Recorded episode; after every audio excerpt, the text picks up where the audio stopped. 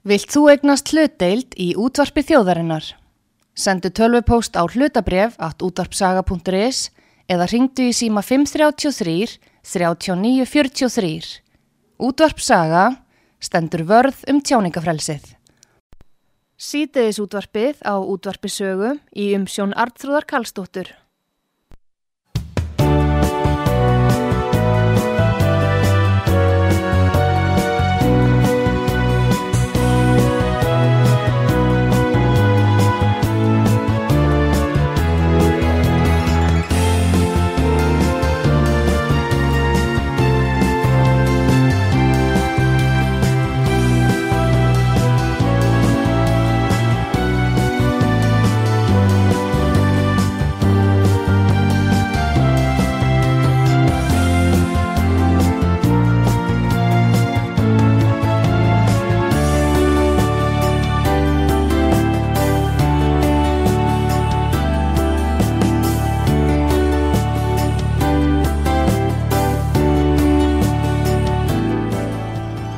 Komið þið sæl þér að hlusta út að sögu Artrúðu Kallstóttir helsar ykkur.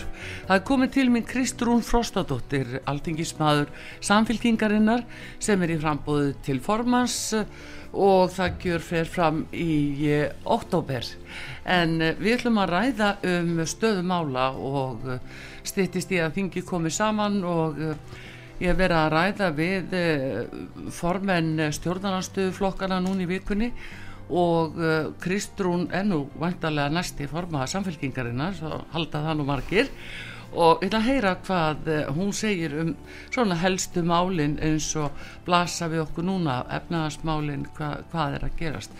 En góðan dag og velkomin út á sögu Kristrún. Góðan daginn, takk fyrir að bjóða mér. Velkomin. Og hérna ég vil nú segja það er, þú ert ekki að fá neitt mótframbóð, nei það er ekki enn allavega Það er nú ekkert komið enn en það eru tveir mánuður í landsfund þannig að það getur ímslegt gæst á náttúrulega vikum. En þú ert hverju bánginn að taka við? Ég held að það þýðir bara ekki neitt. Um, sko ég hef bara auðvitað upplifað helmingin stöðning. Ég mun ekkert gera þetta einn, það líkur alveg fyrir mm. þó að maður bjóða sér fram til fórustu. En ef maður hefur hugssjónir og maður vil breyta hvernig hlutunum er stýrt hérna. Þá þýðir ekkert annað en að bjóða sér bara fram. Þetta er bara samfélagsþjónust á mm. maður gefur kost á sér og svo sér maður bara hvernig fer. Já, það kemur nú allt í ljós. En heyrðu, einmitt eins og núna ég var að segja ég hef í þessari viku verið að tala við formenn stjórnarnarstöðuflokkana og uh, það blasir við að það verða um, svona allavegna hörgu uh, umræður á þingi þegar mm -hmm. kemur saman hvað segir þið hjá samfélkingunni um stöðuna um svo efnaðarsmálinn verðhækkanir verðbólgan uh, rýs upp og aldrei sem aldrei fyrr og mm -hmm. það er viðskipta halli á öðrum ásfjóðungi upp á 39 miljardar skilur það er staðan er bara svolítið alvarleg hún er það í raun og ég held að það sé mjög mikilvægt á þessum tímapunkti þó að sko ég sé nú þess aðlis að vilja helst horfa jákvæm augundi framtíðar og mm. stunda jákvæm pólitík og fólku upplifu svolítið að þetta sé okkur í, hönd, í okkar höndum að við mm. getum tekist á í vandamál saman þá þurfa stjórnumála menn og ríkistjórnum líka að vera heiðarlegt við fólk og það liggur alveg fyrir að það eru erfir tímar framöndan mm og í staðin fyrir að vera að tala um að, að þetta verði ekkert mál þá ættum við kannski frekar að eiga svolítið samtal sem samfélag um hvernig við skiptum byrðunum af þessum erfileikum núna næstu mánuðum mm. og það er bara heiðalegt samtal sem við þurfum að eiga okkar á milli en þess að staðrindin er svo mm. að eftir þróun undarfarna ára og áratugar þá er svigrumið umtalsvært meira sem staðar hjá sumum hópum og sumum fyrirtækjum og þess að það er en hjá öðrum Um, það sem er kannski alvarlegast við þá verðbólku sem við erum að sjá endur speglast núna í tölunum er að þetta er bara svona klassisk kostnaðar verðbólka fyrir hefðbundna heimili mm. um, og hittir auðvitað þá mest sem að hafa lítið sem ekkert eftir um hver mánuðamót og þá er ég að tala um svona uh, ungt fólk uh, látekjuhópa en líka millitekjuhópa sem eru til að mynda með stórt heimili um, fólk uh, á millitekjum sem eru með stór námslán sem eru að greiða fólk sem í rauninni skilar litlum afgangi og við sáum það til og með bara í könnun sem var gerð fyrir í mánuðinu með í sísta mánuði fréttablaðinu mm. að það er ótrúlega stór hópur af fólki, 10% sem eru meiri sé á tekinum sko 400 til 800 þúsund sem eigi ekkert eftir um hver mánaðamót. Þannig að nú erum við að horfa á húsnæðismarkaðin og kostnaðan af því, húsalegu en líka kostnaðin af vakstabyrði fyrir þá sem eru með lán og síðan er það líka bara hvernig við getum komið til móts við daglegan kostnað fólks eins og matarverð og þess aftar og það þurfa að vera bara mjög sértakar aðgerði sem beinast að þessum hópum mm. og við þurfum að, að, að bara skipta byrðunum og vera heiðaleg með það núna á næstu svona 12 til 18 mánuðin. Mm. Hvernig sínist er uh, það sé hægt að, að mæta þessari verðbólgu sem hefur skollið á? Hvað þarf að gera? Hvað þarf ríkistjórnin að gera að mati ykkar hjá samfélkingunni? Sko okkar mati um, þá er þetta svona uh, tvíþætt nálgun sem þarf. Það er annars vegar aðgerðir til þess að halda aftur að verðbólgu, draga úr henni og hins vegar aðgerðir til þess að venda ákveðna hópa frá verðbólgunni. Mm og það er mjög mikilvægt þessi setni punktur vegna þess að okkur er mjög svona tamt og að tala um bara leiði til að lækka verðbólguna. En staðrindin er svo að eitthvað er bara nú þegar í pípunum í kerfinu mun koma. Og þá þurfum við að spyrja okkur ok, hverju geta tekið þetta á sér og hverju ekki? Um, við getum ekki lagt fram aðgerði til að minga verðbólgu sem að falla jæmt á alla vegna þess að það eru sumi sem að hafa minna svegrum en aðrir. Já, en þá er spurningi hvernig á að gera það og hvernig uh, á að til dæmis að lakka mataverða að mæta því, það er uh, talsum ekki kjararýrnu sínileg, mm -hmm. samlega þessu kaupmátturinn bara er að hverfa hjá sumum mm -hmm. og þannig að hvernig á að mæta þess? Það eru beinar aðgerð sem að ráðst í. Það sem er að gerast núna er að Sælabankin er að hækka vexti mm. og sama hvað fólk vil segja um það og hversu mikið vakstahækkun ná að vera mm. þá er það aðgerð sem að fellur á í rauninni alla jæmt sem er um einhvers konar lán, algjörlega óhað bakurinn þetta Já. er mjög breytt tól mm. til þess að dempa allt kerfið mm. og gott og vel, þeir eru þau með ákveðið svona markmiðin um verð stöðleika, þá getur ríkistjónin gripiðin með sértakar aðgerðir það sem að ríkistjónin getur gert er að beita til að mynda vakstabóta kerfinu sem er korki fugglinni fiskur í dag það er markvist búið að vinda ofana vakstabóta kerfinu þannig að þú þart í raunin að vera á ótrúlega lágum tekjum uh, til þess að eiga rétt á vakstabótum sem þýðir að mikið ungu fólki sem er kannski á allt í lagi tekjum en ekkert sérstaklega háum tekjum en þurft að taka mjög hátt lán núna uh, á síðan tveimur árum af því að húsnæðismarkarinn og verð fór bara algjörlega upp í hæstu hæðir. Það fær ekkert neina vakstabætur þetta er mjög sértakt tól til þess að vinna á móti að hluta til þessum vakstahækkunum mm þá segir sumir, já, eigum við að vera að gera það? Á að vera að vinna móti vaksta hækkunum sumstar í kerfinu er það brínt vegna þess að við græðum ekkert á því til lengri tíma hérna í samfélaginu að reyna að brjóta verðbólguna á bakinu fólki sem síðar meir er að fara að lenda í vandræðum. Mm. um, kannski þurfa þá að nota frekar uh, kerfin okkur einhver starna staðar og veldur kostnaði framtíðin við verðum að hugsa hans til lengri tíma. Síðan er það batnabætur Um, þetta er hópar af fólki, barnafólk sem er með bara mjög stóran kostnæðlið í til að mynda matvöru barnafötum, nöðsunarveru fólk kemst bara ekki hjá því að kaupa þessar hluti ja. með stórt heimili.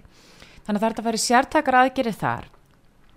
Síðan um, myndi ég vilja sjá að, að það er því skoð einhvers konar útfæslur á fólki með stóra námslán sem er að borga svona fyrstu greiðslutna sína sem eru kannski tekjutengdar eða þungar mm. að það sé teki mögulega tillit til húsnæðiskostnar þessar fólks ástæði fyrir segiðartrúður er að sko þú getur verið með tvo einstaklinga sem eru báði með 5-600 þúsunda mánu en annar kannski ólst upp í fjölskyldu þar sem að viðkomandi fekk aðstóð til að komast snemmin á húsnæðismarkaðin keifta réttum tíma er með lágar afborganir Hinn aðlenni er mögulega á leikumarkaði og er að borga markvælt herra í, í húsnæði á mánuði eða þurft að kaupa til dæmis í COVID þegar húsnæðismarkaðan var mjög dýr.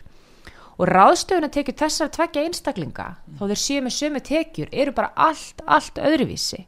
Þannig að ég held að þurfa að taka tillit til þess í því samengi og svo er það leikumarkaðurinn. Mm -hmm. Og mér langar í því samengi að benda á þessum að danska ríkistjónin er núna að tala fyrir og ASI hefur líka bent á og, og hérna flestir flokkarnir á danska þinginu hafa tekið undir að það er að setja minnstakosti tímabundið á einhvers konar leigubremsu.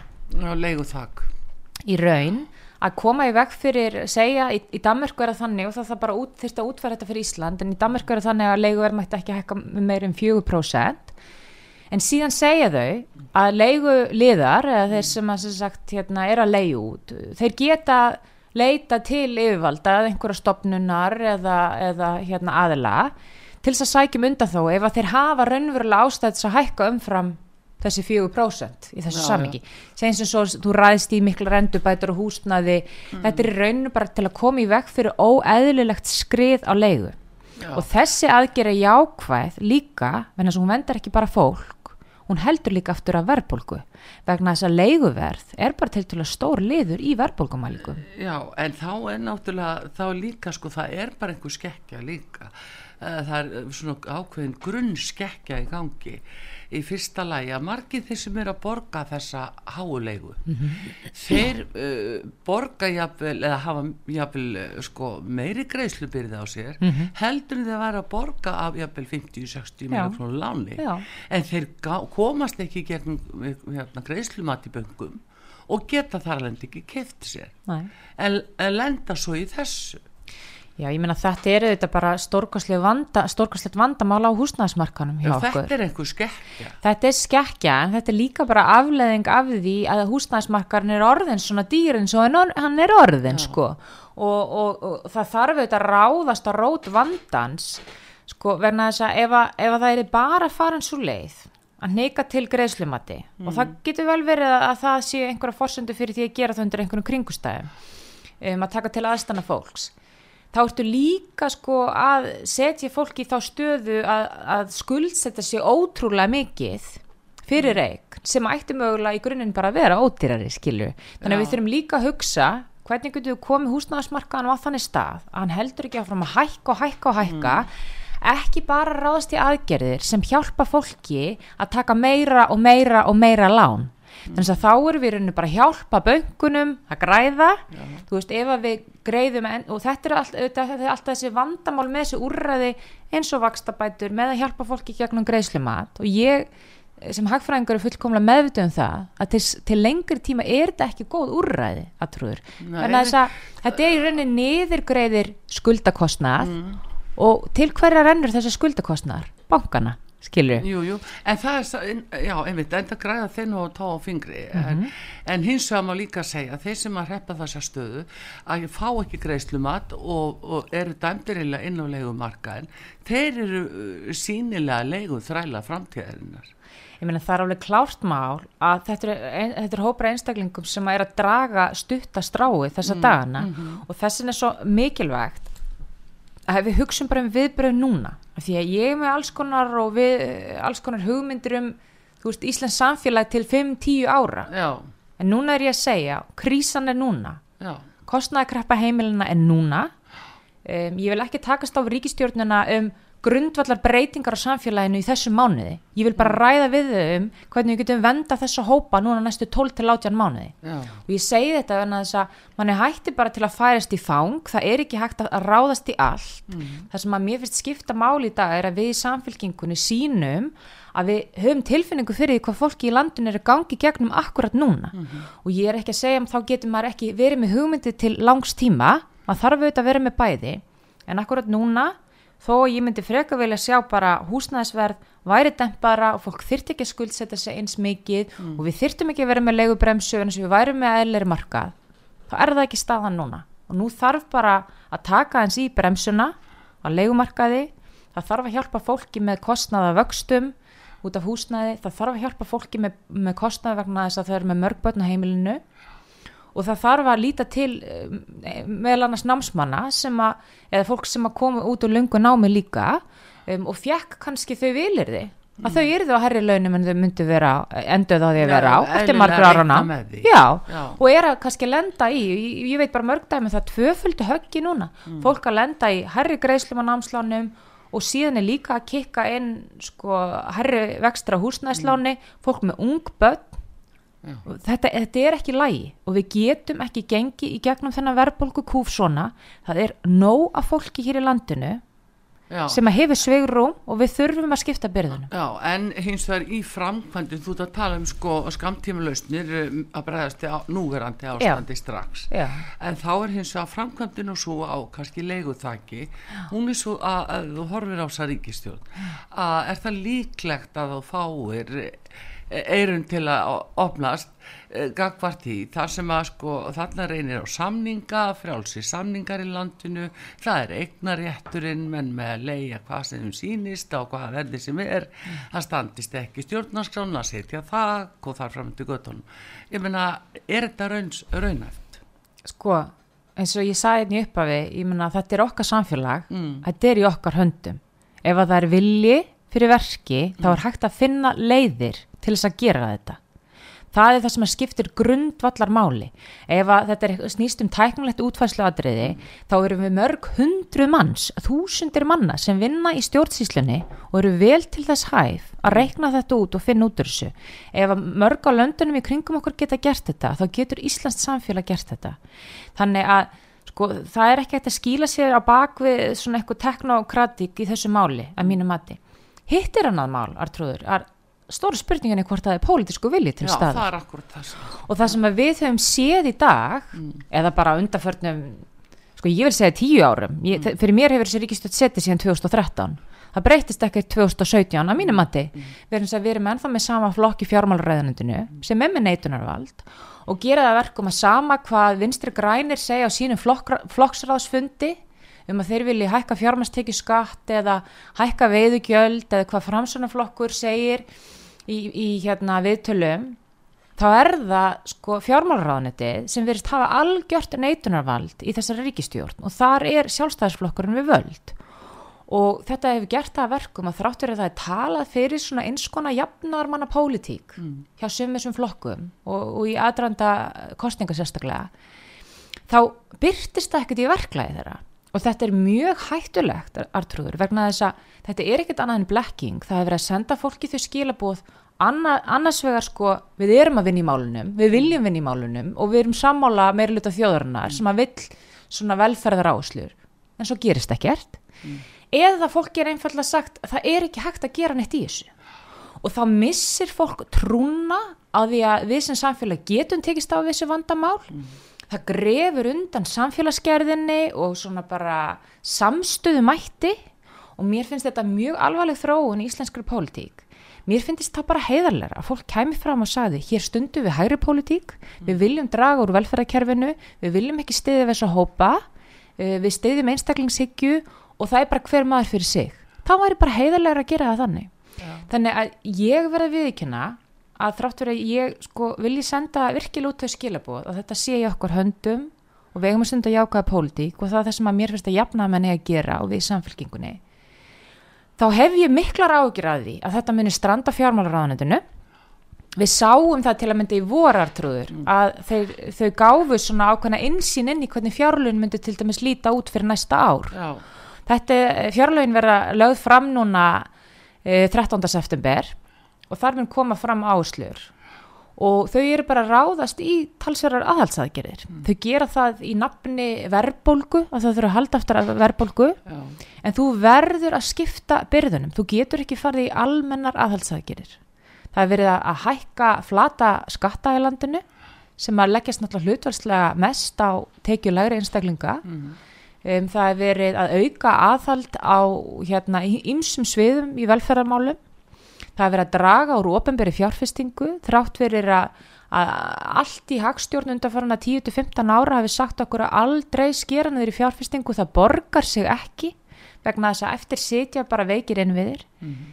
þannig ég er ekki bjart sín en ég er að vonast til þess að ef að við í samfélkingunum komum fram með svona mjög konkrétt tillögur eins og ég var að nefna við á þann vakstabætur sem er miðað af eignar lágum sérstaklega og þá erum við að tala um láttöki fólk og og fólk á millitekjum sem er svona í, í, á yngra stíðinu kannski. Ja.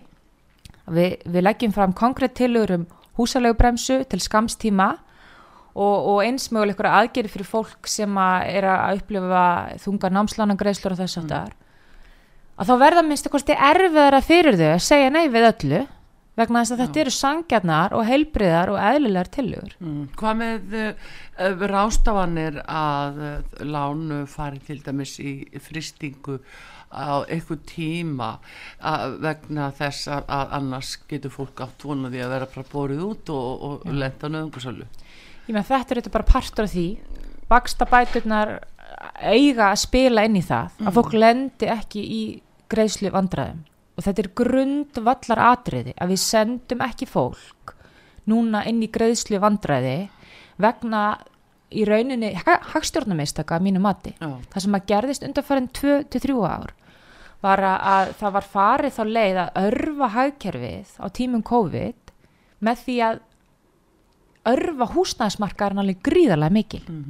Í staðin fyrir að fara í sértakar aðgerðir strax í COVID sem að beintust beint að fólki sem mistu vinnuna og fyrirtækjum, þá byðuðu mjög lengi með það og þá var Sælabankin búin að lækka vexti rætt en ekki bara lækka vexti heldur setja mikið af fjármagni inn í bankana, losum ákveðna skrúfur sem opnaði á fjármagn sem að bankarnir gáttu lánað út. Já, að það, það var á, þegar Sælabankin leta að hafa þennan pening, þá var það umlega eirnamerti þess að styðja fyrirtækin. Það gerðir ekki, en þessi stað lánuðu þeir alveg botlust til uh, íbúðhúsnæðis. Í raun var sko þessi, þessi almennu, þessi almenna fráskrúfun Já, ef svo maður kalla já. Henni fylgdu í raunin engin skilaboð. Það voru, voru einhverju samningar sem að, sem að voru í tengslu við ríkið mitt um þessu lán til fyrirtækja en það var bara ekkert mikið lán át af því. Það var bara ekki Meiri gert. Það var bara sumra. Já, me- meiri hlutin af þessu fór inn á egnamarkaði Já. og þetta, hérna, ég rætti mikið um þetta á sínum tíma og varaði við svo, ég hefði ágjör af því að þetta myndi leita allt saman í steipu og þó ég hefði bara ótrúlega skilning á því að, að fólk, fjölskyldur, ungt fólk og fólk sem hefur kannski verið lengi á leigumarka vilja nýta tækifæri til þess að taka já. lán, eðlilega Já, þá áttu að vera með eitthvað hérna fyrir ofan sem sér stóru myndina og átt að segja á því, herðu, herðu, herðu ætlum við að senda hérna mörg þúsund manns út um sömu dyrnar á sama tímanum og hvað gerist þá? Það er ekkert búið að byggja neitt meira í millitíðinni. Þess vegna er ég að tala um þessa fristingu á lánum núna til þess að fyrirbyggja fólk lendi með þetta allt eh, meira að minna á nöðungarsölu. Mér finnst bara fullkomlega eðlilegt að það sé tekið með aðstæðan fólks eftir svona tímabil vegna þess að það voru sendt til að mynda út þau skilaboð víða af seðlabankastjóra, af fjármálaráþerra e, á síðasta kjörtímabili og eðranda kostninga að við værum að stíga inn í lágvaksta tímabil betur. Þetta var allstaðar á plaggutum hér um allan bæ Já. í stórum forsýðu viðtölu fólk. Það var verið að senda út á fjármálaráðgjöfu til venlis fólks í landinu, til bara almennings, um að við varum að stíga inn í nýtt sögulegt lágvaksta tímabil. Stöldrum aðeins við hvaða ábyrð þú berð sem einstaklingur í samfélagi sem sendur út svona sterk skilabóð. Á sama tíma voru bankarnir að hleypa mörgum í gegnum greiðslumat á mjög lágumvöxtum, kannski án þess að taka tillit til hættuna, hættunar á hröðru, hröðum vakstahækunum. Og eftir situr núna fólk sem í góðri trú bauð kannski hátt verð í einhverja íbúð og let sig hafa úrræðalessi stjórnvalda undanfæran áratug á húsnæðismarkaði sem hefur gert það að verkum að húsnæðisverð hefur rókið upp af því að það hugsaði ok, greiðslubyrði mín er þó ekki svona há vegna þess að það eru lægri vextir og Bjarni og Sælabankastjóri eru búin að segja mér að þetta verði alltaf læg. Það er ekki hægt að setja fólki í þessa stöðu, snúa svo við oljuskipinu og segja fólki að sjá alveg um sig sjálft. Við þurfum að bera ábyrð hérna saman á þessu. Þannig að að mínu mati ef við förum í, í vakstabóta tilöðnar sem við ætlum að mæla fyrir þá verður vonandi þessi hópur ekki þeirri stöðu en síðan ef það kom upp sértak atriði, artrúður, þar sem að fólk er að lenda í vanda þessu tengdu, þá verðum við að koma í veg fyrir að fólk sé að missa heimilin sín í þessa, þessum aðstæðum. Nákvæmlega. Það græðir engin á því að við lendum í sömu stöðu og við lendum hér í fyrir, þú veist, 12-15 ári Já. síðan. Og það, það er mynd þetta sko að að uh, þetta er auðvitað spurning um hvernig, já hvað menn eru reyðbúni til þess að, að beita einhverju varnar aðgerðum en einhvern veginn þá hefur það nú oft strandað á fólki.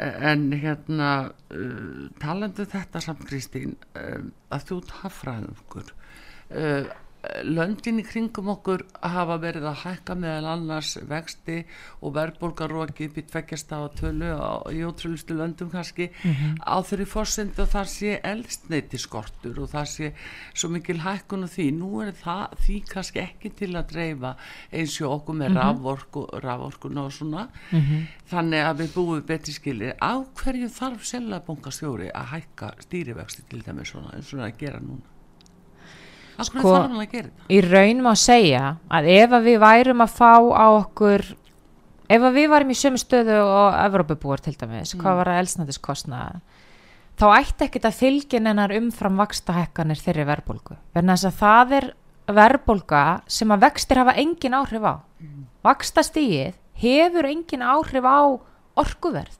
Orkuverði stjórnast í dag erlendis af bara eh, frambóði, skorta Já. frambóði mm -hmm. og það skiptir engum máli hvað Sæðalabankin gerir við solis áföllum þetta er oft það sem er talað um til dæmis á Íslandi sem svona ytri áhrif ef að innfluttar mm. vörur hækka í verði og það er það sem við erum þó að upplifa út af þessum eldsneiti skorti Já, erlendis að þó að við séum ekki beint að fá eldsneiti skortin eh, sko, heima hjá okkur þá eru vörurnar sem við erum að kaupa orðnar dýrari verðan þess að það eru framleitar í löndum þar sem þetta er orðið dýrara og Sælabankin getur ekki haft neyn áhrif á það. Það sem að Sælabankin er hins vegar að gera og ég áttum alveg fullkomlega á er að hann er að reyna að hamla svona almennri kostnæðarverbolgu í landin ef svo maður segja.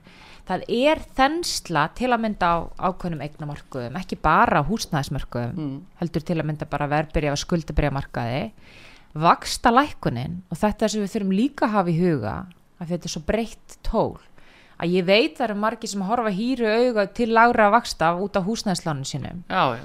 vandin er hins vegar að sá í lágvasta umhverfi þá skapast aðstæðir fyrir gríðarlega ygnabólu á verbreyðamörku mm.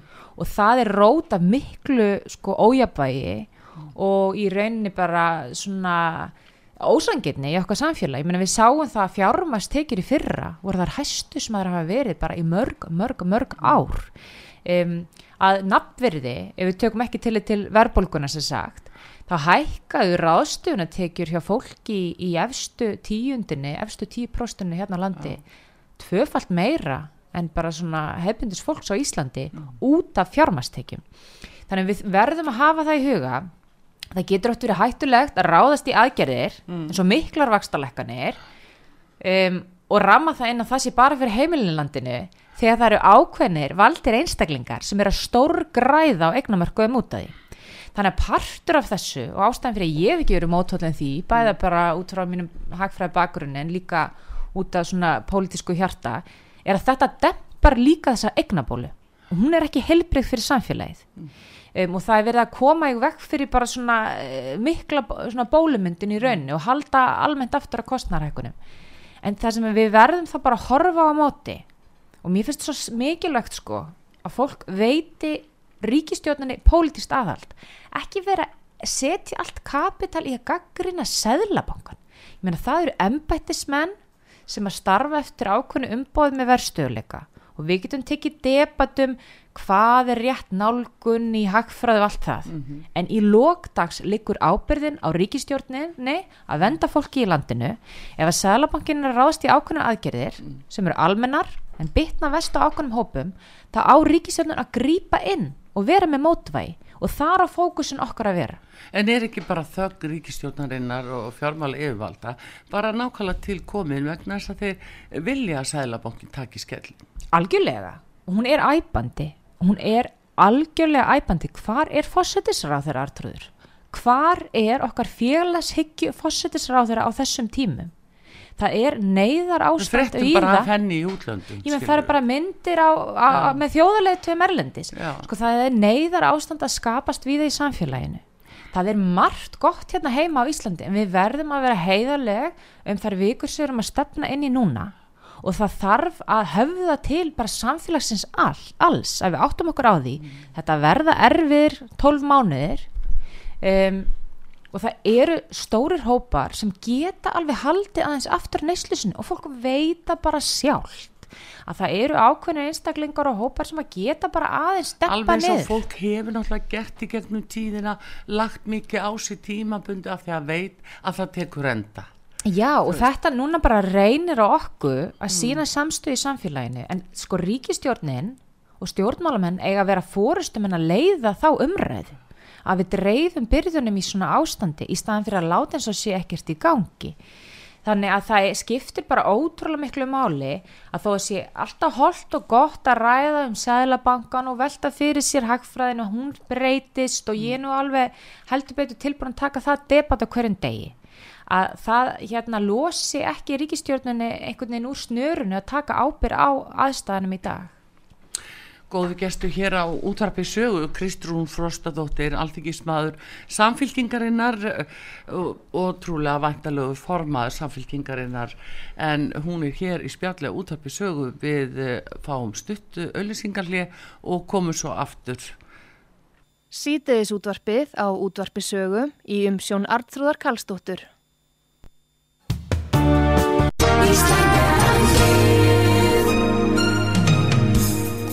Styrtareikningur útvarpsögu í Íslandsbanka á Granda. Útubú 513, höfubók 26, reikningur 2.11.11. Nánari upplýsingar á útvarpsaga.is. Takk fyrir stöðningin.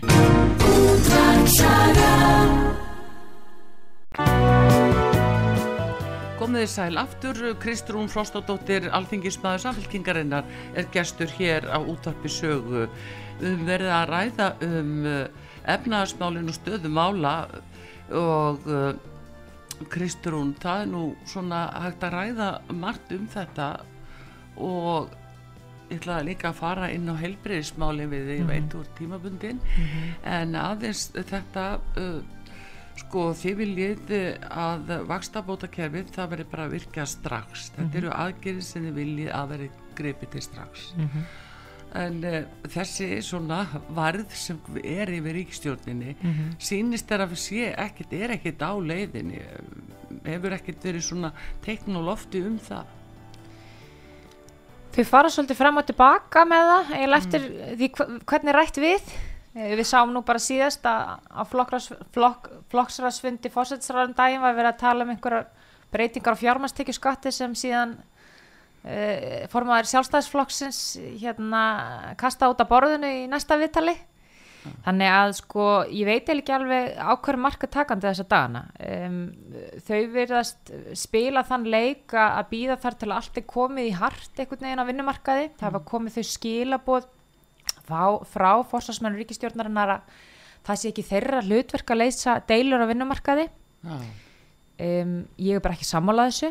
Ég horfi ekki á heiminn svona það er ekki holdt fyrir okkur sem samfélag að holfa okkur svona niður mm -hmm. þetta eru auðvitað allt samspil og fólk verður að átta sig á því að sá óráð sem er núna vinnumarkaði er til að mynda út af ástandinu á húsnæðismarkaði mm. það er út af ástandinu í heilbreyðiskerfinu þar sem að fólk er að lenda í aukunni greiðslu þáttöku, mm. ekki að fá þjónustu við hæfi þetta eru grundvallar atriði í kjörum og í daglegu lífi fólks og ef það er stöðt sendt út þau skilabóð vegum ríkistjórnarinnar að, að hver eigirunni bara sjá hans í sjálfur að þetta komi þeim ekki við þá getur þau ekki verið hissa yfir í þegar verkefælisræðingi snýsi við og segir ok, gott mál, við sjáum þá bara um okkur sjálf og byggjum um 10-15 bara slöna eitthvað þannig að við verðum að horfa á þetta samspil.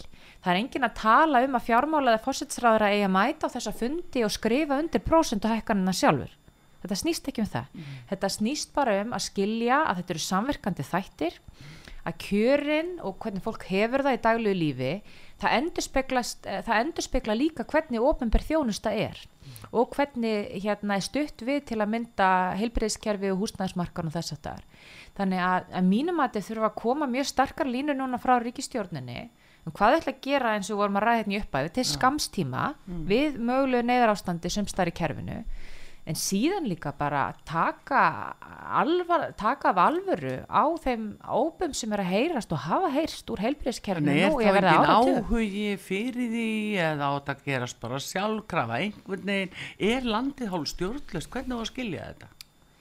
Ég held að vandin sé bara sá eins og við kannski koma aðeins inn á einn aðanartrúður, mm. er að það eru mjög blendin skilabóð sem að berast það er einhvern veginn verið að tala um að við séum í alls konar velferðarmálum og að bæta hinn á þessa hluti en síðan stoppar allt á fjármögnun. Og það er nú svona þekkt kvót sem að Joe Biden, Joe Biden núverandi fórseti bandaríkjana lit hafa eftir sér á sínum tíma sem að var eitthvað á þann vega sko ekki segja mér hvað skiptiði máli heldur syndum í fjárlögin við sko segja þið hvað skiptiði máli. Já. og þetta er grundvallar atriði þegar maður er að horfa á þetta ríkistjórna mynstur það skiptir engum máli hvað er sagt. Förum í peningin það er fjármagnir sem hreyfir hlutina. Og til að mynda ef við horfum að helbriðskerfi í dag menn hugsaðu út þetta artrúður fréttinnar sem er að berast þessa dagana. Um, þetta er þetta vestnar bara með hverjum er deginum. það er ekki sami við og sjúklingar þurfa að fara að sækja sjálfur um uh, endurgreislu fyrir sérfræði þjónustu. Já, og meiri sé að hinga til hefur þetta verið stórkostlegt vandamál, ég meina öryrkjabandarlega hefur bent á þetta marg oft í gegnum árin að það, þetta samningsleysi við sérgrunarlækna hefur orðið til þess að öryrkjar þau lögðu mat á þau, ég held að þetta hafi verið í kringum 1,7 miljardur sem öryrkjar hafa látið út úr eigin vasa vegna þess að það er ekki búið að semja. Þetta er náttúrulega ekki eðlilegt Akkur gera, gera þetta? Er þau að fara að útvista heilbreyðismálum undir eh, stjórn hú eða hvað er þau að fara að gera? ég skil... Ég skil ekki á hverju strandar en það liggur alveg fyrir það er ekki fjármagn og hefur ekki verið fjármagn til að semja almennilega við sérgrunarlagna og þetta er það sem við sjáum bara heilt yfir í heilbreyðskerfinu sér stöðun á bráðumáttökunni núna þeim vantar ég um þriðjung stöðugilda þegar kemur að 14 hjúkrunarfræðingum. hjúkrunarfræðingar að fara í gær. Menn þetta er bara ekki lægi þetta er ekki lægi og við fáum stanslust þau skilaboð að þetta strandi ekki á fjármagni. Þetta sem að heilbyrðisráðra er núna búin að taka upp eftir fjármálaráðara fjármálaráðara er stöðugt og fleiri ráðara í þessari ríkistjórn þessi mantra, það sem er stilt upp einhverju eh, tölu, miljardatölu 2017 og, og hver hún var í fyrra og Kristrún, sérði ekki hvað þetta er búið aukast mikið Þetta er svo villandi framsetning að hálfa væri nóg. Það er teknar tölur sem eru í rauninni bara sko leðrittar fyrir verðbólgu, artrúður.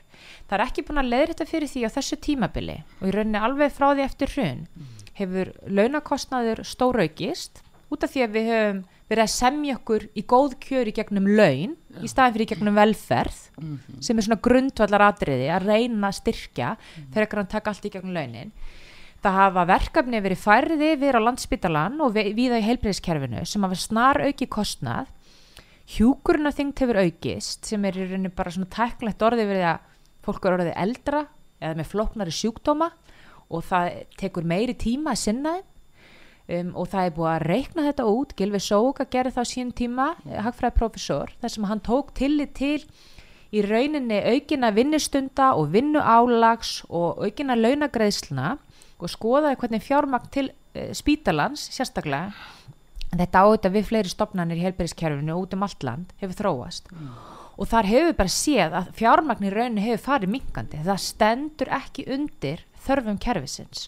Og það er mjög líka sérstakt að hugsa til þess að í svona litlu landi og við búum í þar sem við verðum bara að horfast í augu við það að það er margt gott við að búa í litlu og nánu samfélagi en grunnkostnaður er bara herri við náum ekki upp sömu starðar hagkvæmni og í öðrum hagkerfum. Um, við þurfum að vera með eitt fósitsráður og eitt utryggsráður alveg eins og bandaríkin skilji, já, já. að, að það þykji eðlilegt að, að kostnaður fjármaks sem að rennu til heilbriðskerfisins sem hluta landsfrænslu sé lægri hér en á öðrum Norðurlöndum. Þrátt fyrir að við séum í minna kerfi með minni starðarhagkvæmni við þurfum að sinna allir þjónustu sjálf og auðvitað er það ekki þannig að þú getur endalust kasta peningum ekkert verið að fylgjast með því hvert er að fara. Það er engin að tala um það. En það vita það allir sem hafa sko, ef þú hugsa bara bæðum hvort, hvort sem það er um heimili eða fyrirtæki eða eitthvað, mm. ef þú lendir í því að vera aðþrengdur í fjármálum þá tekur þú ákvarðanir sem eru oft óskilvirkar. Þú ferð að sníða af kröfum hér og þar þú ferð að reka eða ráða fólk og þú nærði kannski ekki að, að, að hafa hlutina alveg eins og best væri á kosið. Og þess vegna eru sem komnar verður oft sko, óhagstætt til Já. lengri tíma. Og svo er verið að ásaka landsbítalan og heilbreyðistofnun út um allt land fyrir að- geta ekki verið með nógu gott skipula á hlutunum. Það er ekki tími, fólk hefur ekki tími til að anda í kviðin og horfa til framtíðar.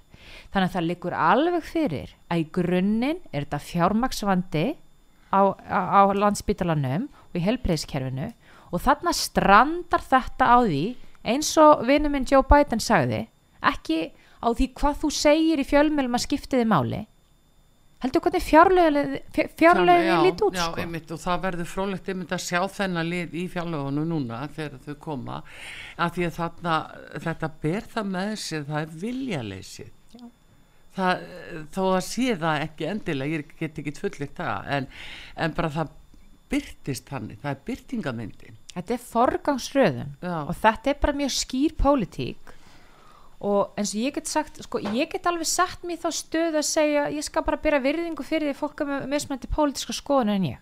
Þannig er það bara, ég meina ég er velferðasinnuð ég trúi á samfélag og samábyrð og við borgum inn í kerfin okkar og fáum útur eftir þörf fólk má blómstra og fólk má eignast pening en sko það verður að átta sig á því að það, fólki sérstaklega sem vegnar vel í lífinu og fyrirtækjum, það komst ekkert þangað eitt. Það komst vegna þess að það er partur af samfélagsgerð sem styrti það í sinni vegferð.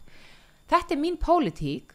Ég get alveg verið ósamala bjarna skilur en það sem að, að, að fyrir, fyrir brjóstið á mér er þegar verið að ramma inn pólitík ríkistjórnarinnar sem eitthvað annað en einstaklingshyggju það sem er ekki pólitískur vilji til þess að styrkja þessa samábyrð í kerfinu En bara eins og núna vandin sem lítur að koma upp á bráðadeildinni, hvernig á að breyðast við þessu? 14 hjúgrunum fræðingar fóru í gæri sem ég segi. Það muna nú aldrei um þölreint Já. fólk.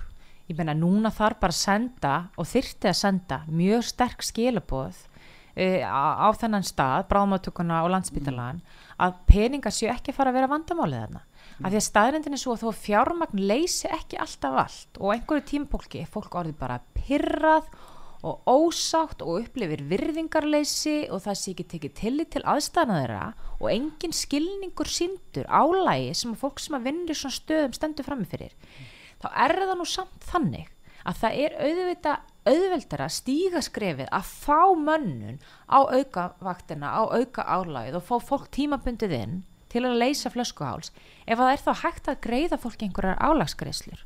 Það er bara þannig. Og síðan auðvitað til lengri tíma þá getur þú byggt upp starfið. En þú munt ekki leysa þetta án þess að fara í aukna fjárveitingu þarna. En þarna sérðu nákvæmlega artrúður.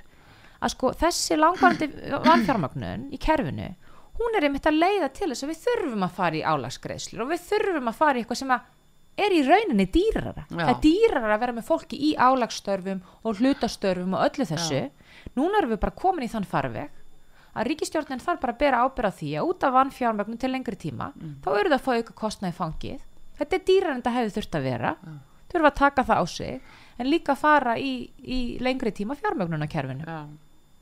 Já, þetta verður, það verður nóg um að vera í þinginu þegar þið mætið úr stjórnarnarstöðinni það, það verður nóg um að vera væntalega en hérna ég bara vil þakka að kella fyrir komuna Kristrún uh, heim, nefnir Kristrún Frostadóttir, alþingismadur samfélkingarinnar og uh, óskaður alls góðs og gangið vel og, og líka þá væntalega sem nýrformaður samfélkingarinnar. Bara takk fyrir að koma hér út af sögu. Takk hella fyrir mig. Og Artrúð Kallstóttir takkar ykkur fyrir teknimaður í útsendingunni Davíð Jónsson, verið þið sæl